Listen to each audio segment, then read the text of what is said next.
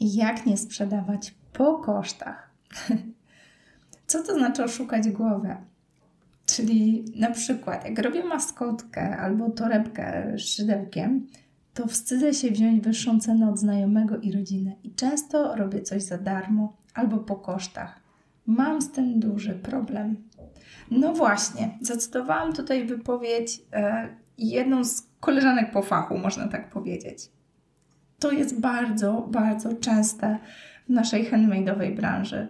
Sprzedaję znajomym, więc nie mam serca dołożyć e, marży, sprzedaję właściwie po kosztach, a bardzo często daję jeszcze od tego rabat, więc suma summarum dokładam do tak zwanego interesu. To normalne, jeżeli ci się zdarzyło, nie biczuj się, wszystkie tam chyba byłyśmy. Ale ja niezmiennie mam na to jedną odpowiedź. Czy ty, kiedy płacisz członkom rodziny, no właśnie, to już jest zgrzyt, tak? No dobra, dokończę. A czy ty płacisz członkom rodziny, kiedy korzystasz z ich usług? Czy to, że jesteś w bliższej relacji, jakoś sprawia, że twój produkt zmienia się na minus?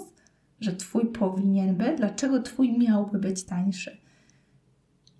Dla przykładu, wyobraź sobie, że twój brat jest właścicielem piekarni. Czy to znaczy, że powinnaś kupować u niego chleb poniżej kosztów? A może to, że on powinien sponsorować Twoje pieczywo? No nie, nawet nie przychodzi nam taka myśl do głowy. To brzmi co najmniej dziwnie. Dlaczego więc miałoby tak być w przypadku Twojego rękodzieła? Czy członkom rodziny nie powinno tym bardziej zależeć na tym, aby nas wspierać? Czy naszym bliższym i dalszym znajomym nie powinno zależeć tym bardziej na naszym sukcesie? Nie, mogłabym takie pytania mnożyć bez końca, ale to wiadomo, bardzo indywidualna sytuacja i rozumiem, że może być różnie. Ale zastanów się, czy przypadkiem to nie jest tak, że to po naszej stronie jest ta odpowiedzialność, aby tą sytuację wyprostować. Jak więc nie sprzedawać po kosztach? Jeżeli działacie w tak zwanym barterze, tak, czyli usługa w zamian za usługę albo produkt w zamian za produkt, ale przy obustronnej zgodzie i zadowoleniu, to nie widzę tutaj żadnego powodu, dla którego nie kontynuować takiego układu. Jeżeli ty komuś, no dla przykładu, e, ja daję ci piękną szydełkową maskotkę, a ty w zamian zrobisz jej przepiękne zdjęcie albo zareklamujesz na swoim gigantycznym profilu na Instagramie i jeszcze tak się składa, że się kumplujemy albo jesteś moją kuzynką, nie widzę tutaj nic złego, ale jednak świadomość, tego, ile ciebie to kosztuje i zakomunikowanie tego drugiej stronie, to już zupełnie inna historia.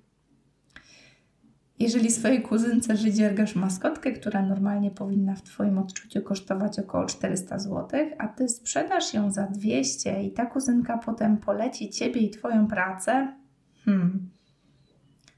Co zrobisz, kiedy kolejka chętnych na takie lale po 200, a nie 400 zł ustawi się w Twoim sklepie? i kolejna oburzona klientka odejdzie, no bo tym klientkom chcesz już sprzedawać za 400 zł? Używam tego argumentu jak armaty, z której strzelam do tych przekonań, że powinniśmy na początku tanio. Co jeżeli ta kuzynka zobaczy lalę za 400 zł, a ty po wielkiej prośbie dasz na przykład 10% zniżki? Albo jakąś szydełkową kieckę dla lali w bonusie, żeby mogła zmienić image. Takich scenariuszy negocjacji jest więcej. Pomyśl o tym, że jeżeli taka kuzynka Twoją lalę kupuje w cenie przynajmniej zbliżonej do tej docelowej, to masz szansę wykorzystać taki gest na swoją korzyść.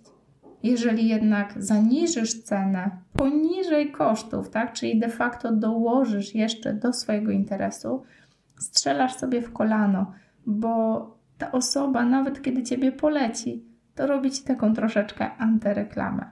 No przecież kolejna osoba domagająca się takiej lalki za połowę ceny, to tak naprawdę kolejny nietrafiony układ klient-sprzedawca. Niezmiennie chodzi w takich relacjach o to, aby obie strony były zadowolone.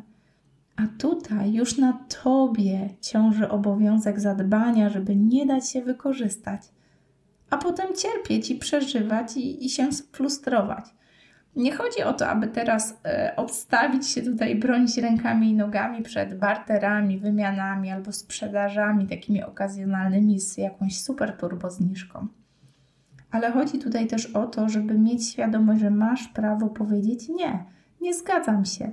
To moja praca i proszę, abyś to uszanowała. Ta cena nie jest adekwatna do mojego wysiłku. Która sytuacja jest dla Ciebie korzystniejsza? Taka, kiedy sprzedasz lalkę za 200, czy taka, kiedy nie sprzedasz, ale za 400?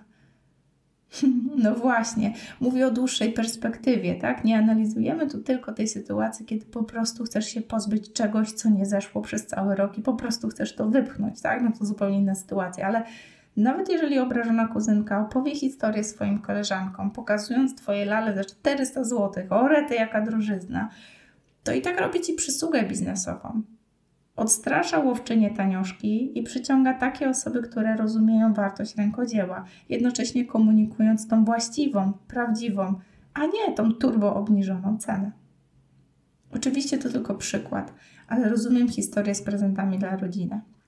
O ile wynikają z jakiejś mojej woli, tak, cieszę się ogromnie, że mogę je dać, ale jednocześnie, jeżeli są to takie zamówienia, wymuszenia, stawiam jasne granice. Co innego pozwolić sobie na prezent i wtedy najczęściej nie obniżam cen poniżej moich standardów, tylko po prostu daję przepiękny prezent i dbam o to, aby każdy miał świadomość, ile jest wart. Albo po prostu stawiam tutaj na trening asertywności. Teraz nauczyłam się już odsyłać do na przykład do oplotkowego sklepu, mówiąc: No, wybierz sobie jaki kolor i rozmiar chcesz, tak? No i wtedy masz szczęście, że możesz odebrać u mnie osobiście przy kawie, zaoszczędzisz na wysyłce, ale tym samym grzecznie i jednoznacznie pokazuje, w jaki sposób zamawia się u mnie produkty, ile kosztują, ile się na nie czeka i przede wszystkim dystansuje się od dziwnego przebiegu rozmowy w kierunku a to może byś dla mnie zrobiła za X. Nie, wysyłam do mojego sklepu jak każdego innego klienta, pokazując, że chcę w tej relacji też zachować się jako profesjonalistka i wywiązać z transakcji.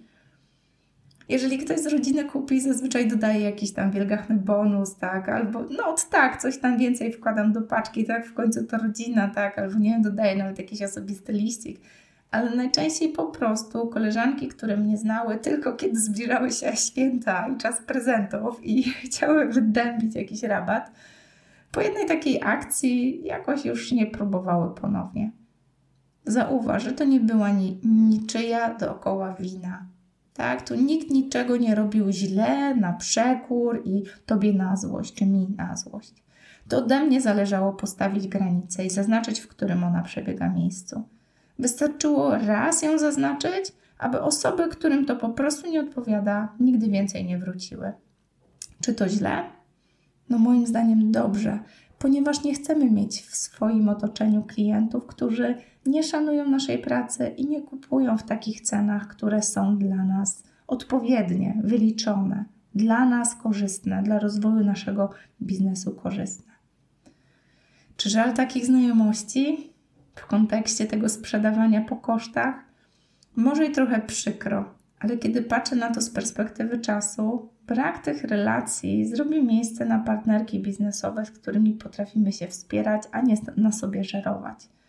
Bardzo się cieszę, bo wiadomo, no rodziny się nie wybiera, ale ja mam poczucie, że jeżeli raz pozwolisz nadużywać Twojej pracy i umiejętności, sytuacja wróci jak bumerang, jak nieodrobiona lekcja – Dopóki jej nie odrobisz, dopóty będzie wrata, wracać. Może więc warto zrobić to prędzej niż później. Kiedy jasno wyznaczysz granice, prawdopodobnie też nie, nie będą te sytuacje wracać.